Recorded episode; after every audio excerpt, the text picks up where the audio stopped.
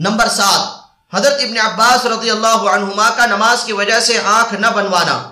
حضرت عبداللہ بن عباس رضی اللہ عنہما کی آنکھ میں جب پانی اتر آیا، تو آنکھ بنانے والے حاضر خدمت ہوئے اور عرض کیا کہ اجازت ہو تو ہم آنکھ بنا دیں، لیکن پانچ دن تک آپ کو احتیاط کرنا پڑے گی کہ سجدہ بجائے زمین کے کسی اونچی لکڑی پر کرنا ہوگا۔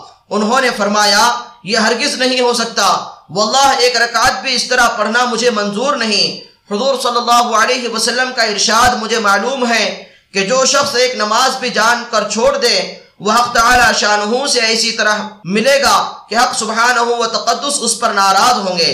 فائدہ، اگرچہ شرعن نماز اس طرح سے مجبوری کی حالت میں پڑھنا جائز ہے اور یہ صورت نماز چھوڑنے کے وعید میں داخل نہیں ہوتی، مگر حضرات صحابہ کو نماز کے ساتھ جو شغف تھا اور نبی اکرم صلی اللہ علیہ وسلم کے ارشاد پر عمل کی جس قدر اہمیت تھی، اس کی وجہ سے حضرت ابن عباس نے آنکھ بنوانے کو بھی پسند نہ کیا کہ ان حضرات کے نزدیک ایک نماز پر ساری دنیا قربان تھی۔ آج ہم بے حیائی سے جو چاہے، ان مر مٹنے والوں کی شان میں منہ سے نکال دے۔